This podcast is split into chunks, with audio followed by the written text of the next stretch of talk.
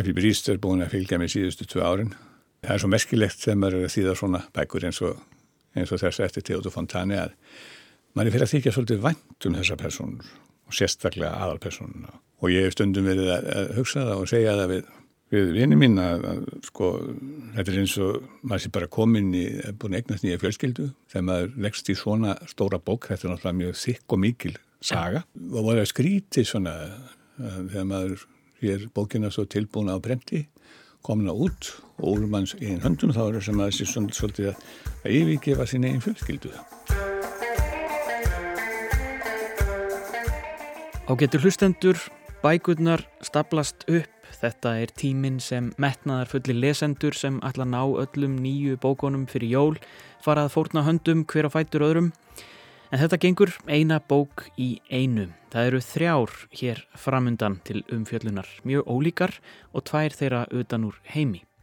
Þátturinn hófst á lýsingu Artúrs Björgvins Bodlassonar sem sirkir smá að horfa eftir bríst fjölskyldunni en þessi þýðingar reynslu bolti var að senda frá sér þýska stórvirkið F.I. Brist eftir Theodor Fontane sem kom út árið 1895 og gjarnan sett í hilluna með önnu Karenínu og Madame Bovary. Artúr Björgvin heimsækir okkur í lókþáttar og segir okkur meira frá því. Svo er ný ljóðabók Vandamál Vinaminna. Við förum niður í miðbæ og hittum skáldið Hörpurún Kristjánsdóttur sem var að senda frá sér stóra og kröftuga feminíska ljóðabók sem hverfist um áföll og erfðir. Hún tekst á við fortíðina, óheflaðri og beittari bók en harpar hún hefur áður sendt frá sér. Ég heiti Jóhannes og þetta eru bara bækur.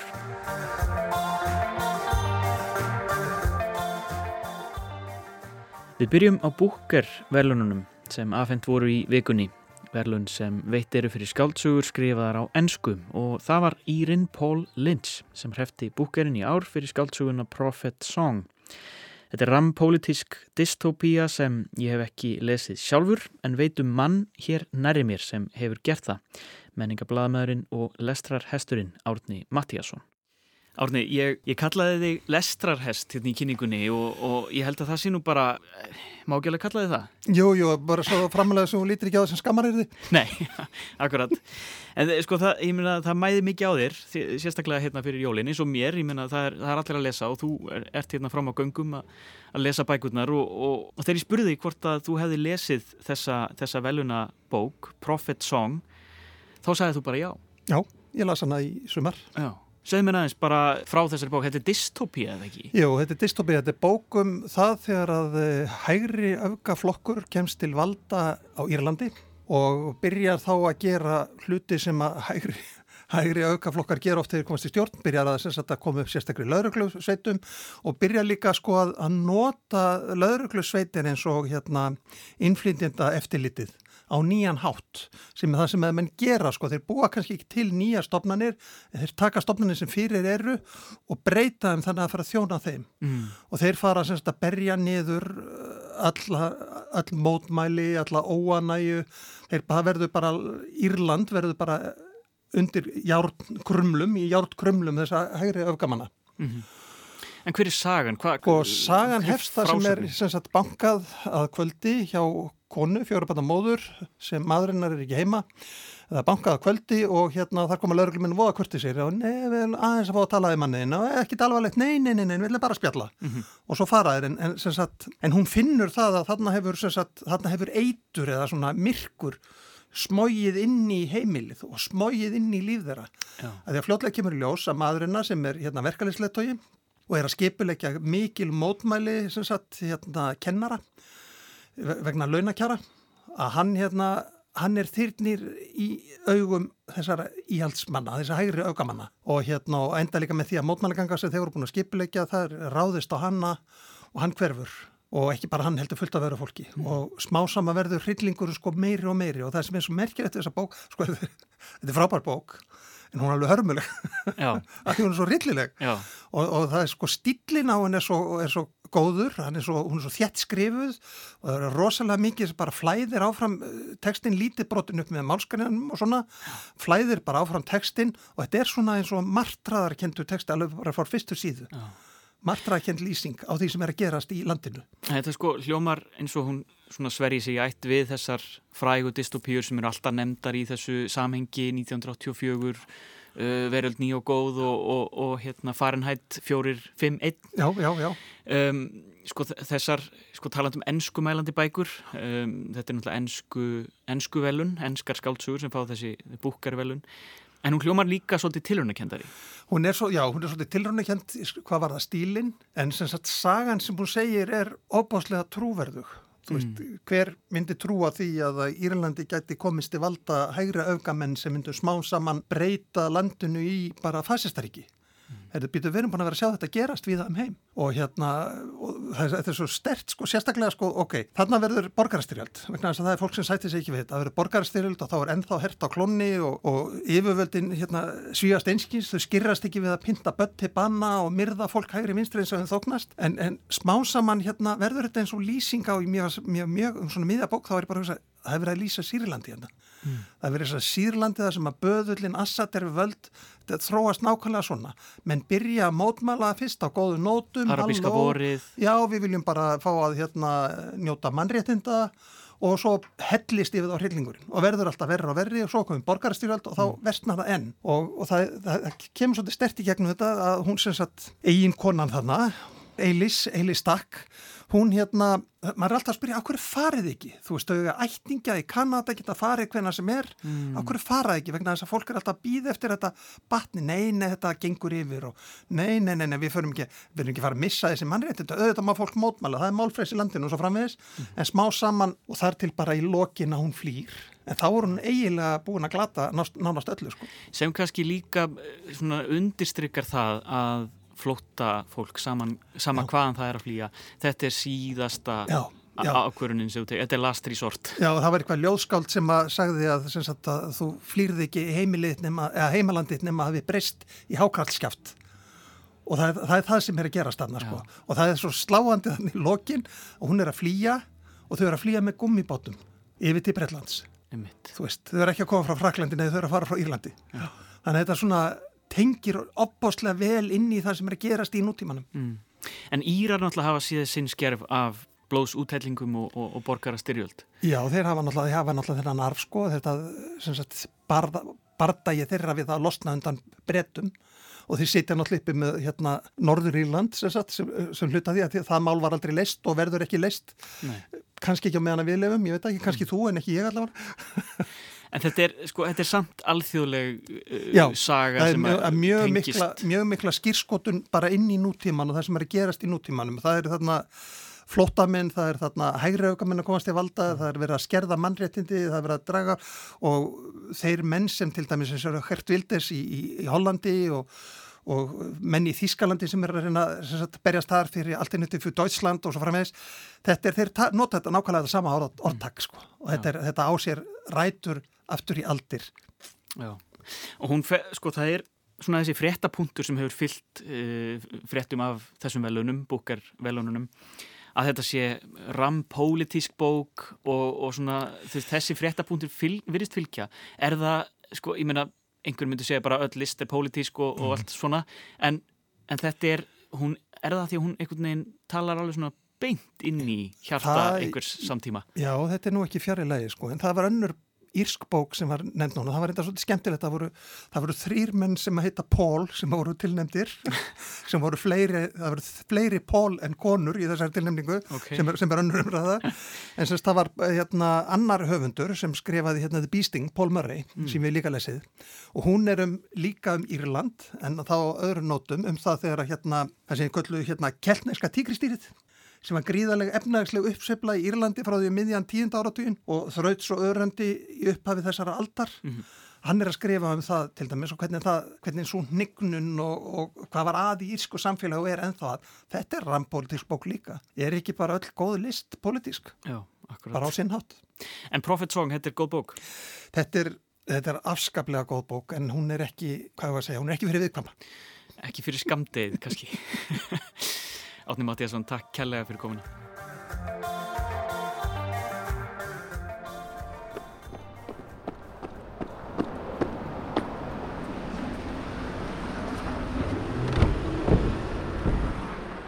Þetta er hurðin á þjóðleikúsinu, aðaldera megin, en það er harð læst. Ég er að leita að hörpur hún Kristjánsdóttur sem að er stött hérna í húsi og ég ætlaði að forvitnast um nýja ljóðabók sem hún var að gefa út og kallast Vandamál vina minna. En Harparún lætur ekki ljóðin döga. Hún kemur að bókmyndunum frá ótal hliðum því auk þess að vera skáld er hún bókmyndafræðingur og bóka útgefandi og svo er hún stödd hér í leikhúsinu vegna síningar sem verið er að undibúa sem hún kemur að. Já og svo er hún líka bondi.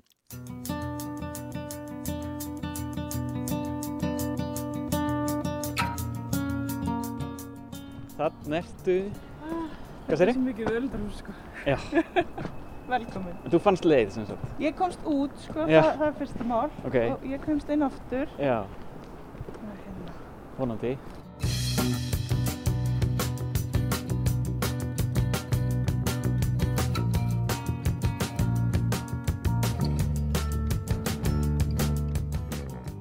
Hæ Harpa, gaman að hitta þig. Hæ Jóhannes, velkomin. Hvað segir þú gott? Ég segi gott. Vi, við erum hérna í þjóðleikúsinu en við ætlum ekki að ræða leiklist eða leikhúsið en við þurfum, ég þarf samt að spyrja þig, hvað, hvað, hvað er þetta að gera hérna? Einmitt, við erum að innbra á þessu. Það hérna, ég er semst að fylgjast með æfingum á eddunni, jólasýningu þjóðleikúsins sem að við skrifum saman þrjú í sumar. Ég og, ég og Magnús Arnarsson vinn minn og Þorlur Arnarsson sem er líka leikstjóri. Mm. og hérna þetta er komið upp á stóra sveið og við erum bara svona að sjá þetta fæðast. Og vera hans með í ferlinu. Edda virðist elda hörpur hún á röndum, segir hún að minnsta kosti. Árið 2019 gaf hún út ljóðabókina Edda og hlaut fyrir bókmentavelun Tómasar Gumundssonar það ár. Já og Eddan, góðsögurnar, allar þessar sögur sem forfiður og mæður fór foreldrar, sögðu hvert öðru og voru undirstaða heimsmyndar þeirra. Og þarna eru líka vísanir í gamlar þjóðsögur, þarna gríla og mjallkvít og þyrnirós og trúaritin, skilningstreð og eplið og allt það.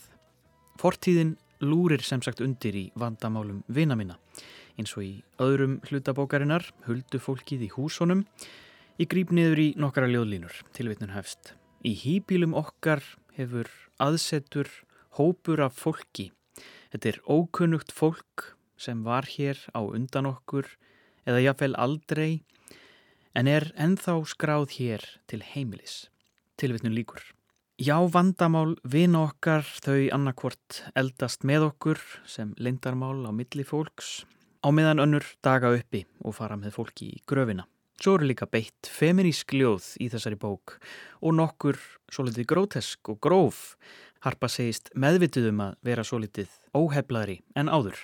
Mér langaði, með talandi um eddu, mér langaði þess að gera eitthvað sem væri allt allt öðruvísi. Uh, Eddan var svona daldi ljúf og það var alltaf að tala um ljúf og ljóðræn og lástemt og eitthvað svo leiðis og hún var það alveg. Uh, ég er það aftur á móti ekki endilega. Og mér langaði eitthvað svo að gera bara eitthvað allt öðruvísi sem væri svona kannski hans meiri, já ég veit ekki, meiri harka og, meiri bara svona, ég veit ekki, meiri sveitamaður kannski. Mér langaði rosalega að fara í aðra átt. Og Eddan var þetta líka skrifuð svona, þar að segja ljóðabókin, eh, Edda var skrifuð svolítið með annað fólk í huga, hún skrifuð um fólk sem ég þekkti og mér varst hún svona, fyrst og þurfa að falla þeim í geð, að menna í þessari bók er ég bara ekki að reyna að þóknast neinum og, Já. og hérna, miklu mér frelsi. Já, hún er svona svolítið grófari áferð á henni og umfjöldunarefnin eru mjög mörg og misjöfn. Mér langar kannski líka bara, bara byrja á þessari kápu, að því að kápan er mynd af kaðli svona í einhverjum algjörum hnút. Uh, segðu mér aðeins, hvað er þessi kaðal? Þessi kall, akkurat, hún heiti Guðrún Birna Pétursdóttir, frábær kápuhönnur sem hafði aldrei gert kápu fyrir henn að ég kynntist henni í haust og, og bara einlega greip hana á lofti. Þú veist, svo flott og eitthvað svo fallir nálgunin hjá henni. E, þessi kall er þetta og þessi hnútur sko eru vandamálin. Það er þetta sem að við getum ekki leist og er kannski árið gamalt og trosnað og alveg fast en skiptir samt máli og og er þarna þá breytist með árunum svona eins og vináttan svolítið Já. Og það harmonerar kannski við að mörg uh, á ljónum hann eru gömul uh, þetta eru gamlir vinni mínir þú veist, sem eru kannski ekki einu svona vinnu mín lengur og, og svona þetta með, þetta byrjaði þetta sem grín. Uh, Titillin kom fyrst Já. og, og grínið var sko, svo var bókin lokuð og þá var allir kaupana til þess að vita hvort þið eruð og eitthvað svona. Hún er tilenguð fólkinu, hvað, hvað var það, fólkinu sem vitið ekki hver þið eru. Þið sem vitið ekki hver þið eruð. Það, hérna, já, mér finnst þetta allir gott. Þetta kom til mín bara mjög seint í rauninni í ferlinu. En einmitt, bæði þeir sem viti ekki hver þið eru og, og svo líka þeir sem haldið að þið séu það afljóst í bókinni. Og, og það eru margir sem sjá sig sem er ekki þarna. Og margir sem eru þarna sem sjá sig vonandi ekki sko. En, en sem sagt, já, svo fór ég að vika svolítið út þessa hugmynd og hugsa sko hver eru vandamálin og hverjir eru vini mínir? Og þaðan kannski kemur að koma alveg tímabil sem ég fannst sko að ég gæti ekki tekið inn stærstu vandamálin, skilur við. Af því hver eru vandamálin, ég er að tala um einhver bara svona einhverjar ástarsorgir og hvenna vandamál og svo alveg yfir í sko lofslagsmálin sem eru líka vandamál. Þetta er allt svona vandamál okkar og mér fannst eitthvað alltaf fallið að reyna að ná því saman í er ekkert vandamál of stórt og lítið þegar þú stendur frammi fyrir því. Mm. Veist, þá er þetta bara heimsendir, uh, þú veist, þegar sonum minn fær ekki að leika sér því sem hann vill, þá bara er það hans stærsta vandamál akkurat núna Já. á meðan að síðan eru bara miklu, miklu stærri vandamál sem við náum ekkert utanum og hérna ég var svona að reyna að einhver veginn draga þennan kaðal saman og, og binda hann út í, með því að fara svona í allar áttir. Einmitt.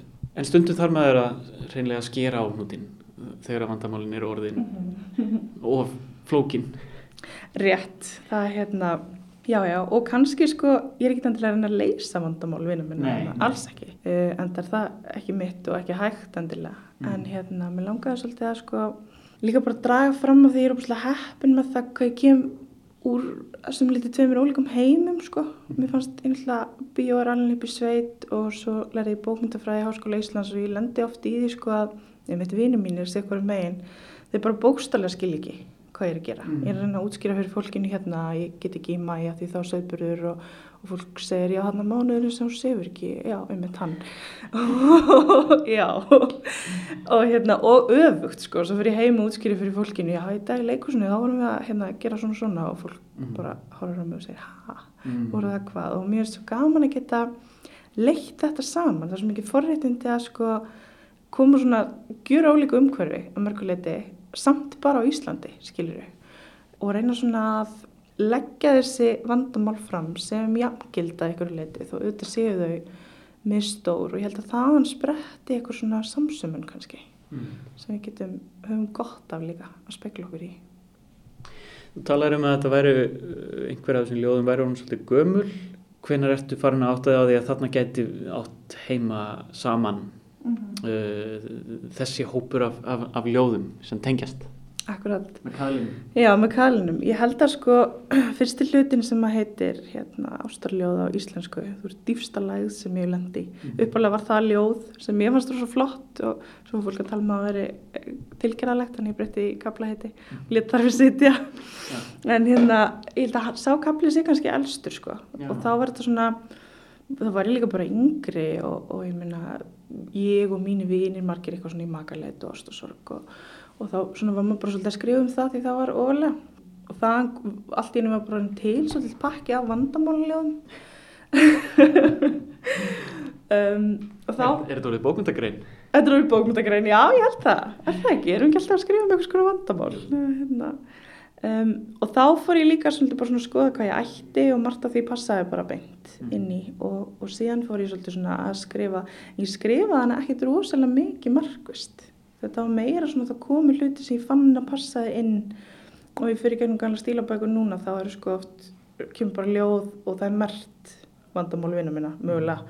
Og hérna, svo hún var sko uppálega 110 ljóð síðasta draft þannig í janúari fyrir að var þannig og svo skar ég niður og skar niður og skar niður og svo svona fem maður í ringi og hún endaði svona En eitt af svona stóru, stóru málunum er kannski feminismi og hlutskipti kvenna. Það, er, það eru mörg ljóð sem að snert á því.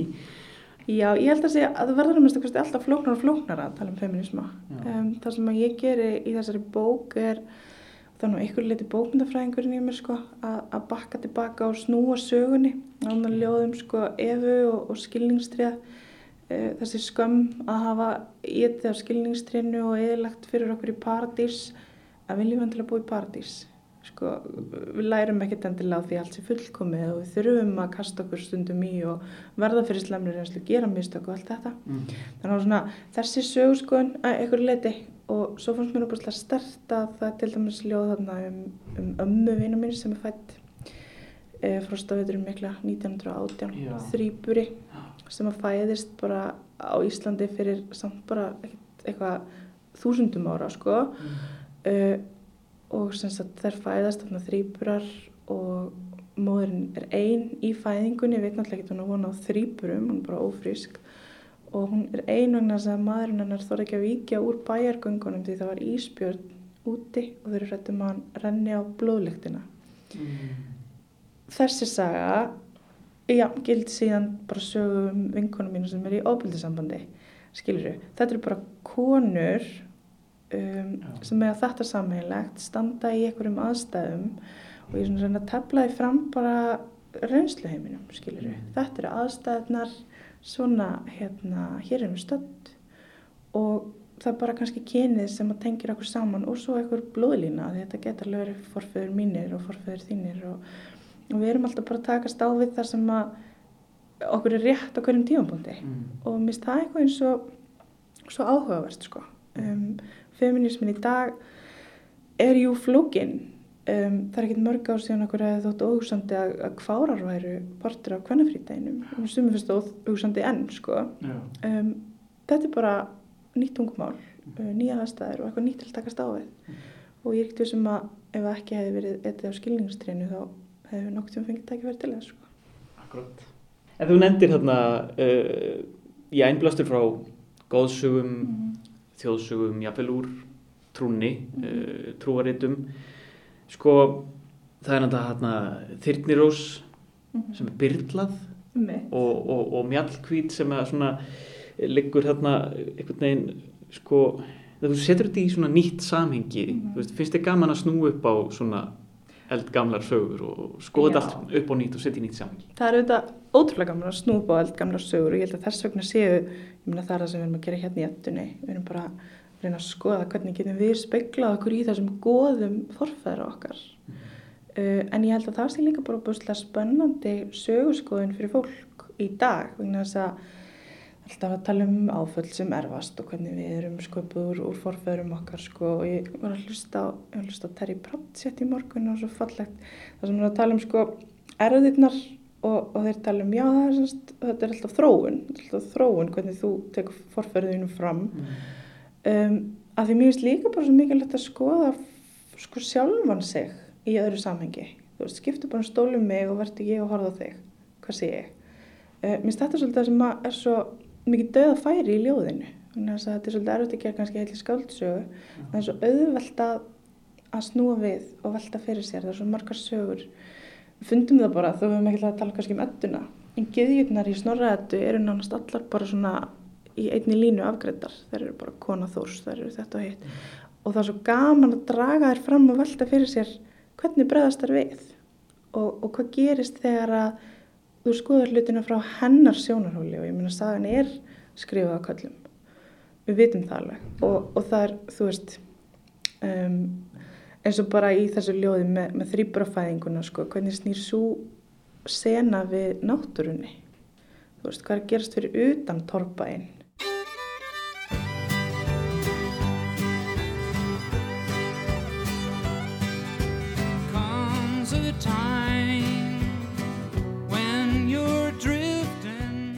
En annað sem að ég tók líka eftir sem er nú bara svona hugulegt og, og ljúft í þessum ljóðum uh, þó sem búin að tala um ímislegt sem er svona svolítið í gróvar í endanum mm. en það er líka bara vor og, og það eru lóur og mm. lömp veist, það, það, það er einhvern veginn líka notalegt að lesa það í, í skamdeginu núna mm -hmm. Ertu svona vormanneskja þegar þú ert þarna á vökunni í, í söðburðinum sveitinni? -hmm. Já, ég skrifa náttúrulega langt mest alltaf í söðburði því þá sefur maður aldrei eða mjög lítið og þá verður hugurinn eitthvað alltaf þreytur, ákveð dofin en líka ákveð skapandi.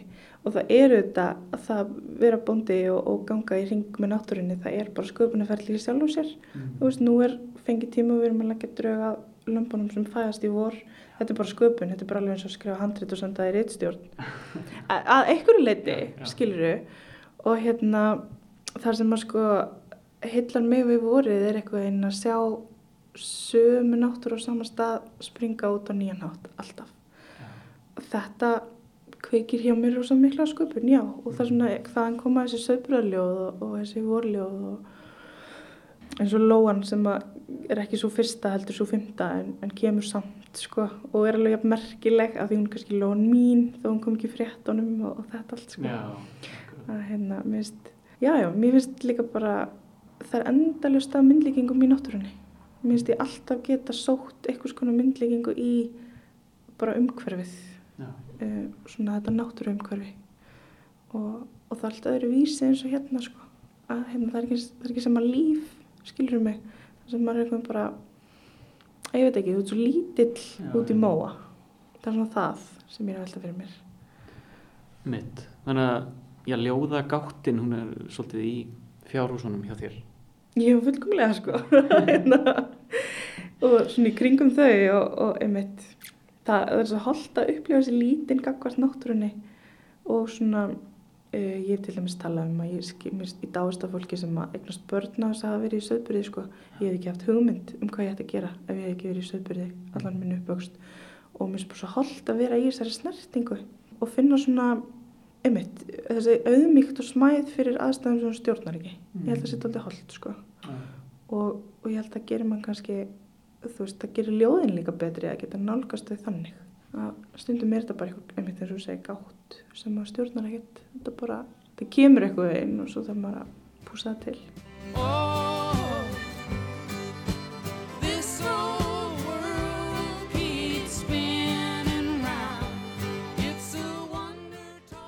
Mér langaði í lókin bara rétt að spurja þig sko að því að þú nefndir hérna í, í byrjun að þú værir í skrifunum og núna fyrir leikhúsið. Mm -hmm. svo er það ljóðinn og svo ertu með búskapinn. Og þú líki bóka útgáfu þú ert á einhvern veginn með veist, hvernig, hvernig bara stýrir hvernig navigator í, í gegnum þetta allt saman.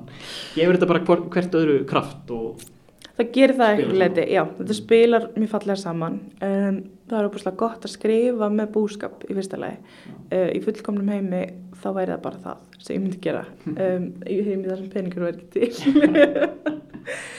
En hérna þetta, þetta bara gengur upp með tíðu þryggja kynsla samfélagi. Ég á mann sem tegur sér frí þegar ég þarf að vinna og, og fóreldra sem að geta svona okkar endalust og, og hérna, þetta bara, við látum þetta virka Já.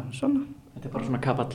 Þetta er bara kapall mm. og þetta eru líka bara ég var tekið dæmi um þegar við þýttum hérna Rómi og Júli fyrir þjóðlíkursið mitt líka þá las ég ofta eitthvað sem ég ætlaði að þýða og svo fór ég út í fjós og við erum með tvær kýr sko handmjölkum og tekur svona kortar og þá er ég oft búin að þýða bundnamáli því ég kom inn skilur þau, mm. af því þetta er hugur og hönd sko, mann kannski vinnur ekkert alveg við tölvskjáin, en þú getur hugsað hvað það er að gera fara sér út og mjölka með höndunum hugsað með eitthvað annað og þá kemur það. Þannig að bara þetta, þú veist lætur þetta virka og það fallega saman sko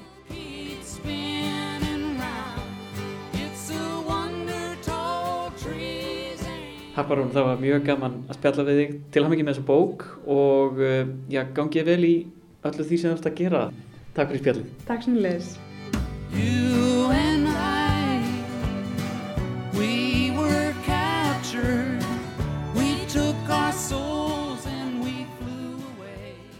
Nokkrir country-skotnir tónar frá söngaskáldinu og kanadamanninum Neil Young. Við sendum hörpurún Kristjánsdóttur skáldi og bónda þakkir hérðan úr amerísku sveitónum. Koma tímar, syngur Young. Og talandum tíma, við ætlum næst að flakka langt aftur í tíman, förum þvert yfir Allandshafið inn á meiland Evrópu. Háskólaútgáfan var að gefa út íslenska þýðingu á skáldsögunni F.I. Brist eftir þýskari töfundin Theodor Fontane sem kom út árið 1895. Þetta er eitt af kunnustu stórvirkjum þýskara bókmenta og hefur aldrei fyrir nú verið aðgengilegt íslenskum lesendum. Hún hefur verið þýta á ótal önnur tungumál en það varð hún heimsfræg fljótlega eftir hún kom út og er ítrekað Sett í flokk með öðrum sambærlegum 19. aldar stórvirkjum frú Bóvari eftir Gustaf Flaubert og önnu Karanínu eftir Leo Tolstói. Allt eru þetta miklar margaratta, nullungs, skáltsugur, samfélagsspeglar og þverskurðir. Allt jú bækur eftir Karla þar sem ung kona er í aðal hlutverki og sagan þar að ekki nefnd eftir henni í öllum tilföllum. Effie Bríst er ung, aðeins 17 ára þegar sagan hefst. Hún er af miklum aðalsættum. Hefur allt til alls, hún er lífsglöð og framtíðin brosir við henni en eitt leiðir af öðru og Effie verður rækilega fyrir barðinu á þrúandi, kúandi og kvenn fjandsamlegu siðferði sem ríkir þarna réttum aldamóti 1900 í Prúslandi.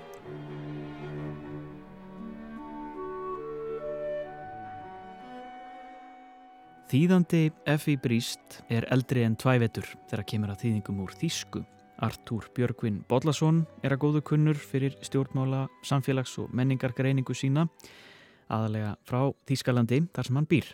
Og stundum kemur hann aftur til Íslands og í þetta skipti náði ég í skottið á honum og settist niður með honum í stúdíó til að ræða þýðingar. Artúr kemur sannarlega færandi hendi þetta árið frá Þýskalandi því það er ekki bara F.I. Bríst sem er samferða honum heldur kemur hann líka með annan þykkan og flókin 19. aldar heimsbyggi dóðurand sem hann þýtti með þresti ásmundsinni Skinnsemin í sögunni eftir Hegel. Já, Artúr Björgvin Bodlason hefur séð þísku af ýmsum toga frá ýmsum tímum.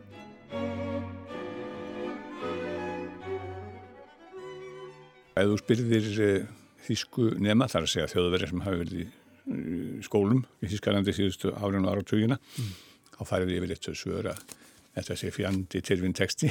Já, en já, þannig að þískan hefur þetta eins og fleiri mál og íslenskan breyst tölvest á þessum rúmið 100 árum eða 125 árum eða svo sem eru líðin frá því þessi texti var skrifaður. Og e, þetta er svona um, breytingar sem að valda því að, að texti sem að eins og, eins og Fontane skrifaði þannig 1895 kemur út þá var hann sko ekki, hann var ekki tyrfin höfundur á, á þeirra tímavísum Eh, en eh, málið hefur svolítið breyst og þess vegna er hann orðin svolítið tyrfnari núna heldur en það var. En uh, eh, Theodor Fontane skrifar frekar þekkilegan stíl, hann er ekki hann er svolítið svona flæðandi og hann er ekki, hann er, fær ekki orð fyrir það og hefur ekki orð fyrir það að vera neitt flókin stílisti. Mm. þetta er náttúrulega samfélagsróman þetta er uh, svo tegund bókmynda sem að kend er við uh, raunsægi af þessu poetist raunsæði, skáldlut raunsæði eins og geðan er sagt. En e, þetta er raunsæðislegu teksti mm -hmm. en e, e, Theodor Fontane hann nýtur, eða slúin segja þýðandi nýtur þess þegar hann er að glíma við svona teksta að hann var og starfaði lengi sem bladamæður hans ferill er komin á hann þá er hann svolítið þrískiptur. Í fyrsta vegi var hann nú lærður lífarfræðingur eins og pappin Hann eh, átt að feta í fósbórföðu sinn sem lífafræðingur í Neurupín, mm. afskaplega skemmtilegur og fallegur bær, skamt frá Berlín mm. í Brandenburg. Ég hef komið þanga og farið í pílenginsferðir margar þanga til þess að ja. skoða hans, uh, hans uh, benskurslóðir mm. og það fer nú ekki hjá því að maður verið varfiðan í bænum vegna þess að það heitir allt eftir honum í Nóri Pín sko. Það heita eftir honum hótel og veitingarstæður og stittur og öðru hverju hotna á honum og, ja. og að sjálfsögðu apotekið er svona pílenginsstæður sem pappansa bjó fyrir ofan í húsinu og, og það er sko mert í bak og fyrir hér var Theodor Fontane og hann sem sagt lærði uh, lifafræði og átti að verða apotekar eins og pappin og vann við það en um tíma í Berlín en uh, síðan uh, höfnaðist hann á ekki. Þá var hann að skrifa mér og mér og hann var að frétt, hann tók þátt í stríðun þetta um 1870 sem stríðsfréttarittari mm. og hann skrifaði mikið ferðarsögur hann til dæmis skrifaði þykk bindi bara um göngu ferðir um Brandenborg sem að eh, ég hef ekki lesin um að hluta til þetta er svakalega þykka bækur sko. og, og sömulegis mikið bara af, hann var starfandi bladamæður fyrir blöð síns tíma þarna nokkur. Og svo bara þegar hann er rétt um 60 hann hafði skrifað orð ljóðutölvist áður og byrst svona einhverja frásagnar og sögur. En þegar hann er um 60 þá byrjar hann að skrifa þessar stóru skáldsögur. Og þetta er svolítið merkilegur fyrir því að hann skrifar einar 16 sögur á næstu 17 árum og það eru margar, fyrir Brís náttúrulega er svo eina sem hefur orðið heimsfræg. Hinn er eins og Steiklín og fleiri öðru þektar í Þískalandi en, en náðu ekki þessari fræg sem fyrir Brís hún er náttúrulega koronan og hans sköpunarverki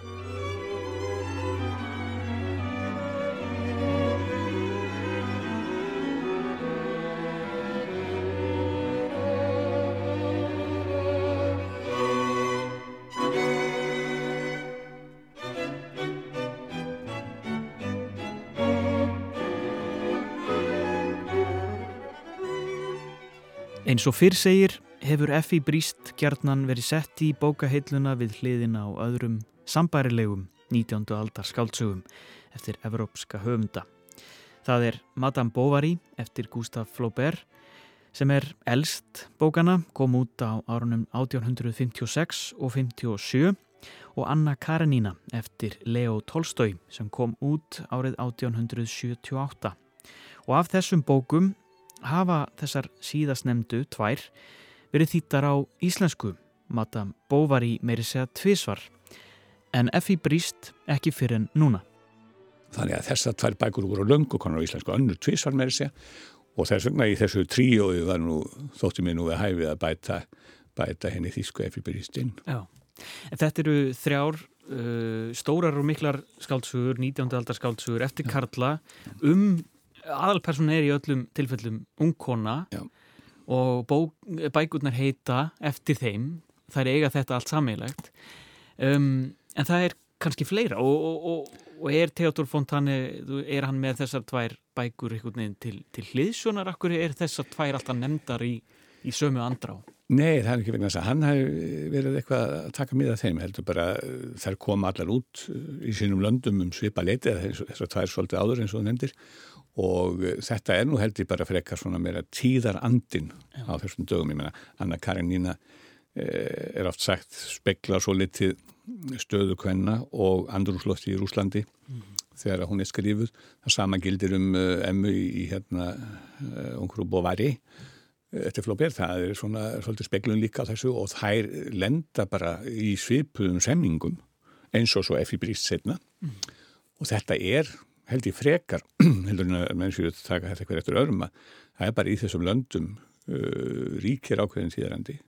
Það ríkir ákveðin hvenna kúun það ríkir ákveðin svona uh, konur eiga erfitt uppdráttar og það er litið á þessum sem svona svolítið annarstygs uh, annarsflokks verur og þeim er ekki, eins og við veitum alltaf sögunni, þeim er ekki leift að gera allt það sem kallmannum leifist og nákvæmlega það er einmitt í öllum sem sögum að það, það, allar þessar personur er að gera það sem er ekki með að gera mm. þar að segja að þær eru að hlaupa út undan sér eins og sagt er og þær eru að eða sem sagt fara í ástafsambund við menn sem er ekki þeirri eigin menn mm. þannig að, að það var auðvitað uh, svakalega alvarlegt mál inn í gæðsalappa á þessum árum að konur varu að, að, að taka saman við giftar konur var að taka saman við aðra menn og þetta var brot á síðarreglum þessara tíma.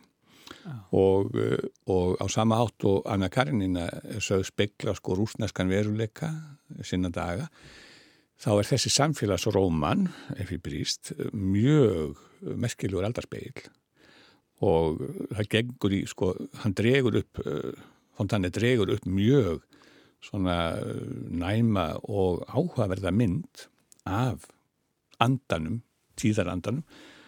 Ég vil ekki tala um heimsandan þarna eða þjóðurandan, við fyrir nú að ruggla saman higgur og kontan en, en, en svona getum við sagt að þjóðurandin er á þessu stígi þarna sem hann er að lýsa. Og uh, þetta er afskaplega geðsleg uh, ung kona býst, og, og þetta er ekki sko, þetta er enginn baráttu sæðið þimskilningi hún nefnilega sko sættir sig til að byrja með við þessi síðalögumál og þessa síðareglur sem gilda í brúsneska ríkin á þessum tögum, það undir lok 19. aldar mm. og uh, það er ekki fyrir bara að náttúran uh, í brústennar kallar og, og hérna hún, hún átt að segja því að hún er komið það búið að leggja hún ákveðin bönd hún náttúrulega giftist þarna manni sem er miklu eldri mm -hmm. og það er í þessum uh, sögum þess að tíma mjög algengt að konur ráða því ekki endilega hverjum er giftast mm -hmm. og hún hittir þetta mann sem var vonbyðil mömmunar áður. E, og, og hún er afskaplega sátt með það? Já, til, til, að, byrja til að byrja með Já, vegna þess að hún vil hloknast fóröldur sín hún vil ekki gera þetta mótið mömmu sín, það er mjög náðið sambandi með þeirra. Þeirra sambandi lýst með fallið þessari bók. Og, og, hérna, og fóröldrarnir sko, það, er, það sem að mér þótti mjög vendum því að vera því þessa bók eh, var að kynast sko, eh, þessu fólki líka í kringum ef ég bríst því að eh, fóröldrarnir þetta eru afskaplega gott og ljúft fólk. Mammin er mjög tilfinningarík og hún er mjög elskusöm við dóttur sína, hún hugsaður vel um hana, vil henni allt er besta, mm.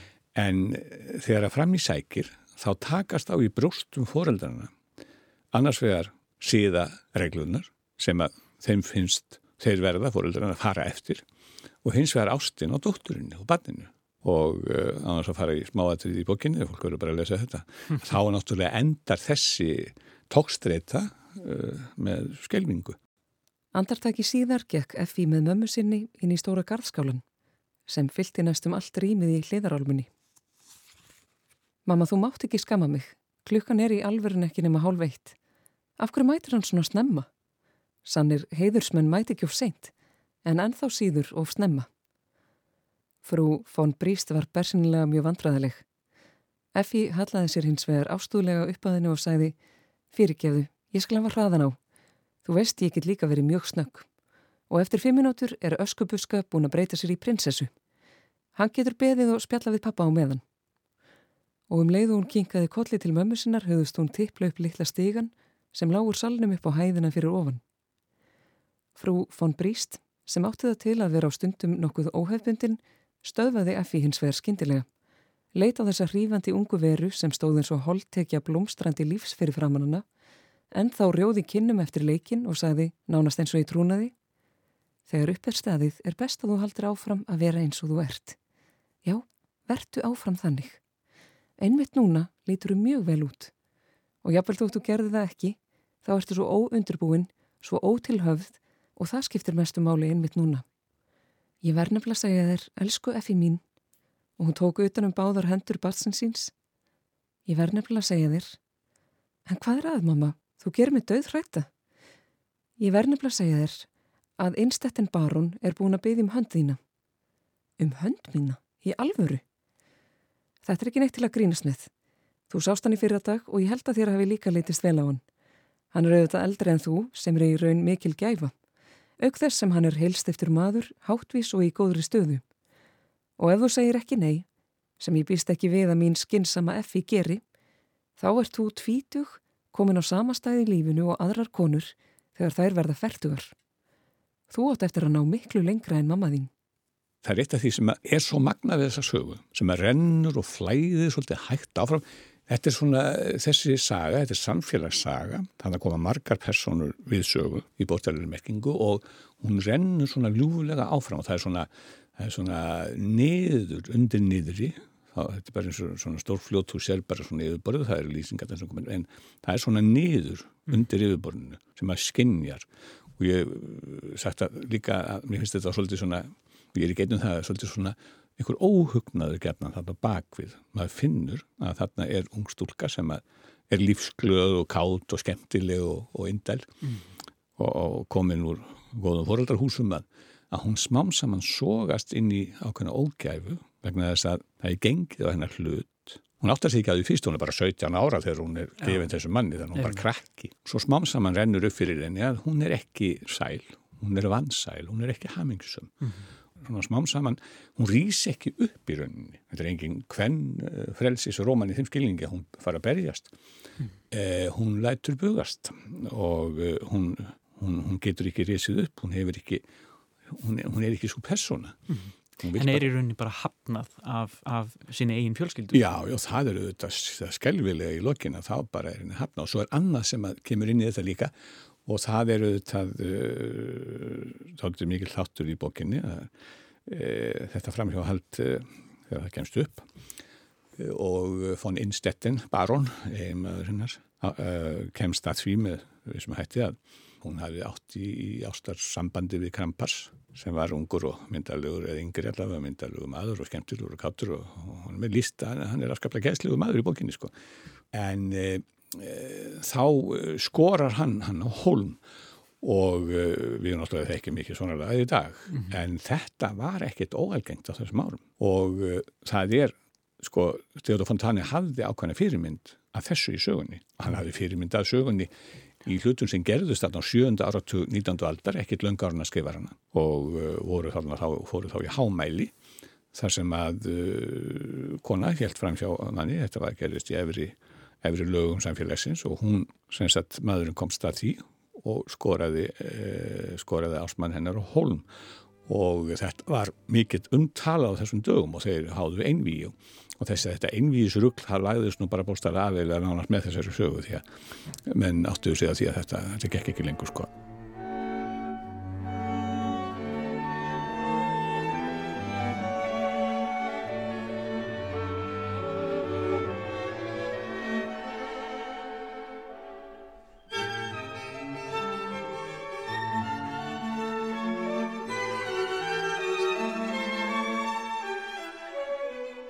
stjættamunurinn kemur þarna. Án þess að sé verið að benda þetta með í kennarapríki þá kemur hann svona hægt og sígandi alltaf inn. Með þessari margrata frásum hann er partur af þessu þannig að, að þetta er ekki bara um, um, um heldra fólki, það er líka við, við kynnumst þessum eins og, eins og, og Rósvítu sem er hennar hægri hönd og hennar stóð og stitta og er eina manniskan sem getur borðið höfuða hátt þegar maður er komin á sögurlókum því hún svíkur hann aldrei í tryggðum. Og hún hefur meiri skilning á manli og eðli og, og meiri skilning á, á FI heldur en fóröldarnir þetta stað og heldur allir hinn vegna þess að hún, hún heldur óbílandi trið við hana alla tíð.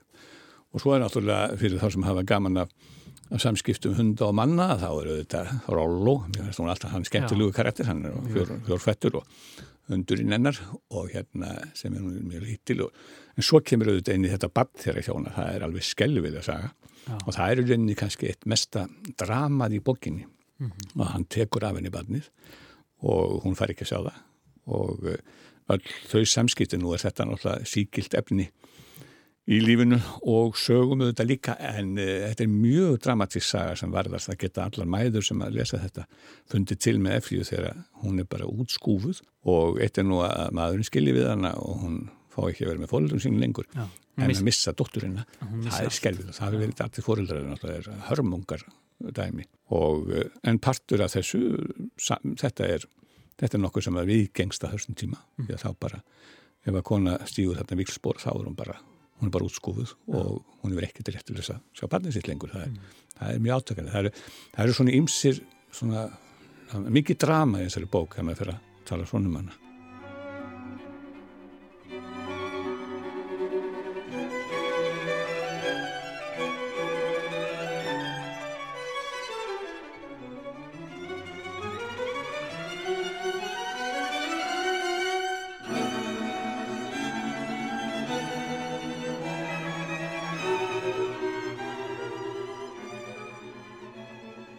áhrif þessar bókar þau eru náttúrulega engin hér, eða lítil það er náttúrulega kannski ykkur í Þýskumælandi sem hafa lesið hana eflaust, en áhrif þessar bókar til dæmis bara í Þýskalandi, þau eru mikil og já. hún er lesin og kend og... Og, og, og hefur haft áhrif uh, á Þýska höfunda það er nú kannski fyrsta nefna höfund sem að fleiri þekkja, Tómas Mann því að uh, Tómas Mann dáði þessa bók. Mm. og hann sagði einhvers tíman í, í viðtali, eða einhverju grein segi þá sagði hann sko ef ég mætti velja sex bækur til að hafa með mér og eigði eigu þar sem ég hef ekkert annað að lesa þá væri Effi Brísti þeim hópi því hún er eina uppáhaldsskáldsögun var eina uppáhaldsskáldsögun Tómas Manns. Og Buddenbrooks, þetta fræga verk eftir Tómas Mann Buddenbrooks uh, nafnið kemur fyrir í, í, sögu eftir, í sögun Effi Bríst á einu stað. Það er einn maður sem heitir þessu nafn og sumir hafa verið ekki skónað að Tómas Mann hafi fengið hugmyndina að heitinu það. Það er aðra tegundir upp um það líka, kenningar upp um það líka en, en Tómas Mann var óbáslega hrifin af, af F.I. Príst og mm. Theodor Hontanes með höfunda. Hann skrifaði mikið um hann og það eru til sko 10-20 bækur um samband þeirra eh, það er Fontane og Tómas Manns. Mm.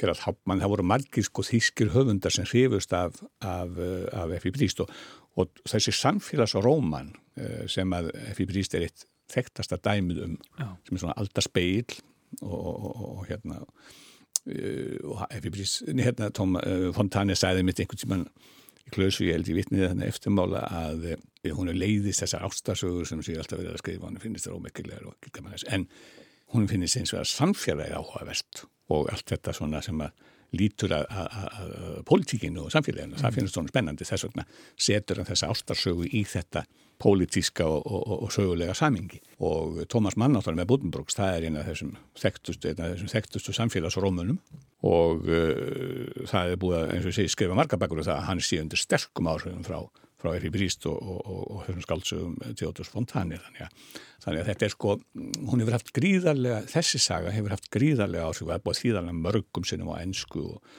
og, frönsku og allir þessi helstu mál. Þannig að hún hefur uh, vakið hrifning endar þetta velskrifuð uh, saga sem leinir á sér. Maður þurfa að gefa sér tíma til að lesa hana og fara róli í gegnum hana, ekki á hundaveði. Þetta er engin svona, ekki til anda uh, grabasaknið eitthvað hróliðis þar sem maður bara hlöp bara að sjá hvað gerist. Því þetta eru umhverjuslýsingar, þetta eru karatestúdjur sem eru mjög áhugaverða fólk sko þetta er mjög leikra en saga þess að kvikmyndakerðum er sannlega hrifistæðinu vegna þess að sumpart er nú bara svo skrifa handrit að bíómynd ja. að því að hann lætur sko karakterina mikið, við kynnumst þið mikið í gegnum það sem við segja samræðum og samtölum, þá fer maður alltaf að segja hverja hvað og hvað menn standa fyrir mm. og uh, marga personur sem eru ef maður gefur þeim smá tíma og eldur þeim fyrir sér mjög áhugaverð og þess virði að, að kynast þeim.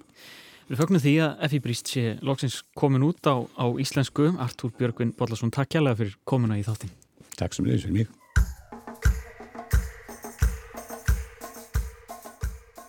Það er komið að leiðarlokum að þessu sinni Bara bækur snúa aftur eftir viku hér á ráseitt en eru alltaf í rúf spilara. Netfangþáttarins er bara bækur aturúf.is og mig er að finna á bókasíðunni Goodreads. Ég heiti Jóhannes, takk fyrir samfélgin á Verðið sæl.